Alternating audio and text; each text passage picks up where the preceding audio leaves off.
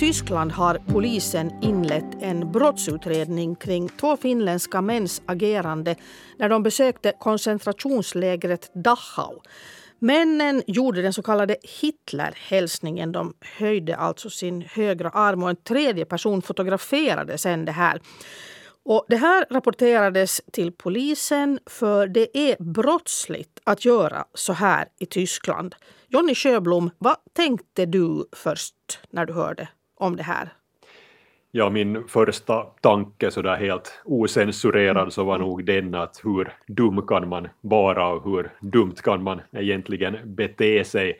Mm. Jag förstår ju på en viss nivå att de här personerna nu då säger att de inte visste om vilka regler som gäller i Tyskland, men samtidigt så borde det nog vara absolut helt klart att för var och en att det här är något som man inte gör i synnerhet och inte vid ett koncentrationsläger. Mm. Ja, det har ju väckt mycket uppmärksamhet det här och flera tyska medier rapporterade om det när det hände. Och här i Nyhetspodden ska vi förklara liksom symboliken kring allt det här och eh, vi ska också förklara hur, att det är straffbart enligt tysk lag och eh, varför det är det. Och jag har med mig Jonny Sjöblom då, och Jonny är Svenska Yles medarbetare i Tyskland och jag heter Karin Götelid. Det som de här finländska männen gjorde är då alltså straffbart i Tyskland, den här Heil Hitler-hälsningen. Och det är ju andra saker som man gör, symboler, bilder, sånt här då, som är straffbara. Hur ser den här lagstiftningen ut? Ja, vi kan ju börja med det att du gjorde dig själv där, att skulle du ja. ställa dig på, på gatan i Tyskland och säga Heil Hitler så gör du dig egentligen straffbar för mm. att det, det är en av de saker som, som faktiskt är straffbara. Men sen har vi också många andra saker som är förbjudna som till exempel då nazistiska kampsånger flaggor, mm. till och med porträtt eller byster av Adolf Hitler. Och sen till det här så kommer också en massa symboler som förknippas med nazismen. Högst upp har vi då förstås hakkorset, men, men sen finns det också symboler som till exempel de här SS-runorna eller, mm. eller den här dödskallesymbolen som SS-soldater bar på kragspeglarna eller i mössor och hattar. Så, mm. att, så att det här är nu några av de saker som, som är förbjudna. Mm. De här finländska turisterna då, vad kan de tänkas få för straff nu? Alltså det som de här finländarna då misstänks ha gjort sig skyldiga till den här hälsningen så, så kan i Tyskland straffas med böter eller till och med då med fängelse upp till tre år. Eh, domstolarna så har ändå, som det verkar, rätt mycket handlingsutrymme när det gäller de här påföljderna i enskilda fall så har det kommit faktiskt till fängelsestraff, men, men då har det nog oftast varit så att där ligger också något annat bakom det här. Men eh, jag utgår nu från att i det här fallet att om det kommer till en fällande dom så är det nog med högsta sannolikhet bötesstraff som det handlar om och det kan faktiskt i de här fallen handla om rätt så stora böter beroende på inkomsten så, så kan det nog gå, uppgå till flera tusen euro. Mm. De säger själv att de skämtade enligt de medieuppgifter. Är det här något förmildrande i sammanhanget? Det här är nog i det här fallet ingen förmildrande omständighet. Det är nämligen helt klart att det här är straffbart oberoende av vad motivet kan ha tänkas varit, det vill säga det behöver inte då till exempel ligga något politiskt mm. motiv bakom en sån handling. Det att man sen inte heller kände till reglerna, att man säger att man är turist och inte visste om det här eller att man var berusad så har åtminstone i de domar som jag nu har sett på så har inte haft någon större, eller har inte haft egentligen någon betydelse. Det som i det här fallet däremot kan leda till ett, en, en strängare påföljd så är då den här platsen där de här finländarna då har gjort den här hälsningen. Det är ju trots allt en viss nivåskillnad om man gör det nu, säg någonstans ute på stan eller om man då helt gör det här vid ett koncentrationsläger. Mm. Händer det ofta att eh, tyskar, eller tyskar då, i Tyskland bryter mot de här förbuden och, och döms och får straff för att de gör såna här saker? Ja, man kunde ju kanske tänka sig att det kommer till en hel del fall av det här slaget med tanke på att det finns också i Tyskland tiotusentals personer som, som klassas som högerextremister men, mm. men faktum är att det ändå är relativt sällan som folk döms för det här och det hänger nu säkert till en del ihop med det att det är fullständigt klart att, att det här är straffbart och att man om man döms blir tvungen att betala dyra böter. Eh, men det här har då och sin sida då lett till det att, att nynazister och högerextremister här i Tyskland så de har utvecklat ett helt eget kod och symbolspråk som man då inte kan dömas för. Det handlar då till exempel om olika bokstavs och sifferkombinationer som man då använder på till exempel klädesplagg. Mm. Bara nu som exempel så en sån populär siffra i det här sammanhanget så är siffran 18 eftersom vi där i den siffran har nummer 1 och 8 som då står för den första åttonde bokstaven i alfabetet som då blir AH mm. och som då i sin tur råkar vara initialerna för en viss person som, som är stor så att säga i nynazistiska kretsar.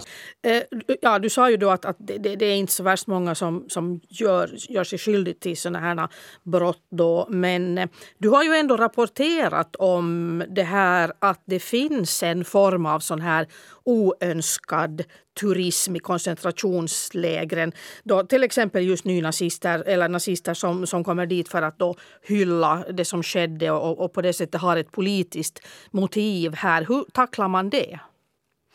Ja, det här är ett fenomen som faktiskt har blivit vanligare under de senaste åren och det har rapporterats också här i Tyskland en hel del om det. Och jag var själv i Buchenwald och pratade med, med personen som, som leder den här minnesinstitutionen för koncentrationslägret där och, och han sa det då att, det här, att han tolkar det som så att det hänger ihop med det som vi ser på många håll i Europa, den här framväxten av, av högerpopulism och att man hela tiden på något sätt rubbar på de här gränserna för vad som kan sägas och göras och, och han såg att det är en tydlig fortsättning på den utvecklingen som man ser att folk faktiskt inte längre ens i de här kretsarna skäms för att komma till de här platserna för att, för att ställa till med någonting sånt här. Mm. Eh, men, men, samtidigt är det ju så att eh, besökarantalet till koncentrationslägren de minskar ju inte utan, utan folk är fortfarande intresserade av att besöka dem. Och då tänker jag alltså inte på sådana som är där för att hylla nazismen utan så att säga människor som, som faktiskt vill se hur det ser ut. Ja, det finns nog fortsättningsvis ett stort intresse för det här om jag igen får citera den här personen i Buchenwald så han sa att det är också en så här, ska vi säga, något av en en protest mot den här högerpopulismen som, som kanske en motaktion också i det att man då faktiskt kommer och ser på de här ställena och, mm. och till exempel i just Dachau så hade vi år 2018 nästan eller omkring 900 000 besökare under ett år så det är ju en stor mängd. Uh, till den här stora mängden så bidrar förstås också det att det är många skolelever och skolgrupper som kommer till de här lägren. Det har här i Tyskland till och med diskuterats om det att borde det bli plikt då för alla skolelever att i något skede besöka ett sånt koncentrationsläger. Jonny, eh, jag tänkte jag skulle be dig beskriva hur det är att besöka ett koncentrationsläger. Ja, jag har själv besökt flera av de här lägren, bland annat då också Dachau som det nu handlar om. Och det är nog, ska vi säga, en rätt besynnerlig känsla som man alltid har, i synnerhet inför de här besöken på något sätt. Det, det kanske börjar redan med det att man, man sitter och funderar på att hur ska man egentligen då vara på det här stället, att ska man då hela tiden vara då nedstämd och, och se allvarlig ut mm. eller kan man då på något sätt vara helt som normalt när man går på gatan, att, att det börjar med sådana riktigt, ska vi säga, banala tankar mm. åtminstone mm. för mig själv. Uh, jag kommer också ihåg första gången som jag var på ett sådant koncentrationsläger, så, så då var kanske den här mest överhängande känslan så var, var någon form av rädsla för vad som väntar en och, och kanske då också en rädsla för vilka reaktioner som det här besöket då eventuellt kan ge upphov till. Och jag har också en stor förståelse för de människor, för att det finns många som jag också har träffat som säger att de aldrig vill besöka ett sådant ställe mm. för att de vet vad som hände och de vill då inte utsätta sig för det här. Och, men att eh, som en rekommendation så skulle jag nog kanske säga det att, att det kanske onödigt att ha alltför uppskruvade förväntningar om att man kommer att, att känna på ett visst sätt eller uppleva det på ett visst sätt. Att det bästa skulle jag nu säga är att man kanske funderar lite igenom att, mm. att vart man är på väg och så låter man då tankarna komma som de kommer. Jag har en känsla av att, och det är nu kanske mest en känsla, men i varje fall en sån här känsla av att, att vi i Finland kanske inte riktigt förstår hur laddade de här alla olika symbolerna och det här som vi har pratat om nu, hur laddade och liksom betydelsefulla de, de fortfarande är i Tyskland. Va, vad säger du som ju har bott i Tyskland nu i, i ganska många år faktiskt? Alltså det är nog en, skulle jag säga, till och med delvis otroligt stor skillnad i hur man ser på de här sakerna i Finland och i Tyskland. Jag har själv också funderat en hel del på att, att vad kan det nu egentligen bero på, att varför är de här skillnaderna så stora? Och min jag vet inte om man kan kalla det teori, men mina mm. funderingar kretsar kring det att, att det hela på något sätt hänger ihop med hela den här erfarenheten av det andra världskriget. För Finland så var ju Nazityskland något som man aldrig var direkt tvungen att bekämpa, mm. frånsett då Lapplandskriget och det här att man då kanske aldrig stod emot Nazityskland på det sättet, så det har kanske då bidragit till det att man till exempel när det gäller hakkorset inte ser det som en ondskans symbol på samma sätt som man gör i länder där man då har varit under det nazistiska mm. oket på det sättet. Och, och, i Finland så har vi också det att hakkorset fortsättningsvis används. Så på det sättet så har man kanske en annan relation till det. Och för det andra så tror jag också att det handlar om det att hur man ser på hela det här kriget. Att där man i Finland allmänt ser på vinter och fortsättningskriget som rättfärdiga krig, som att man moraliskt har på något sätt haft rätten på sin sida, så, så är den här synen i dagens Tyskland eh, helt diametralt motsatt mm. kan man säga. Att här ser man då, om, man, om vi talar just om kriget på östfronten, så ser man då ett anfallskrig där precis alla hämningar brast och där den, ska vi säga, tyska moraliska kollapsen var som allra störst. Mm. Så jag tror att, att, att om man utgår från den här, de här totalt olika synsätten så så sätter det nog sin prägel mm. också på hur man ser på den här symboliken och, och vad som sen ännu gäller just det här hakkorset och att, att flygvapnet i Finland fortfarande har hakkorset på sina flaggor. Så, så kan jag väl säga om mig själv att jag också tidigare var av den åsikten att nå, vad stör det nu om, om det finns där, men att här på den här punkten så har jag nog under årens lopp kommit till en annan eller ändrat åsikt det som också är intressant i sammanhanget är att själva hakkorsflaggan är inte förbjuden i Finland som den är i många andra länder. Och, och det här har nu prövats senast i somras i tingsrätten i Helsingfors men,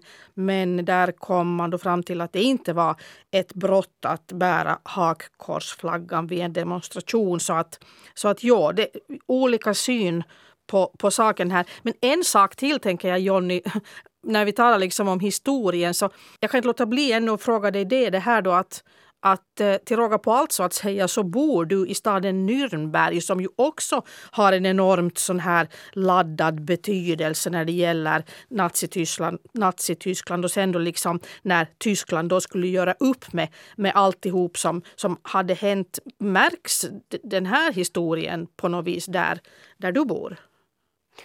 Ja, det märks ju förstås på det sättet att, att det har en man ser ju, det finns ju museer på det här och det finns mm. både den här Nürnbergprocessen och de här partidagarna så är ju, så är ju väl framme också i stan på det sättet och tänker man då på staden Nürnberg så, så man är ju nog tvingad att dras med ett arv som man nog helst skulle ha varit utan, mm. det vill säga hela det här stora området i utkanten av stan där nazistpartiet valde att hålla sina massiva partidagar och till det här kommer ju då också det att, att, att man då är en stad som förknippas med de här partidagarna och de negativa associationerna kring, kring, kring dem.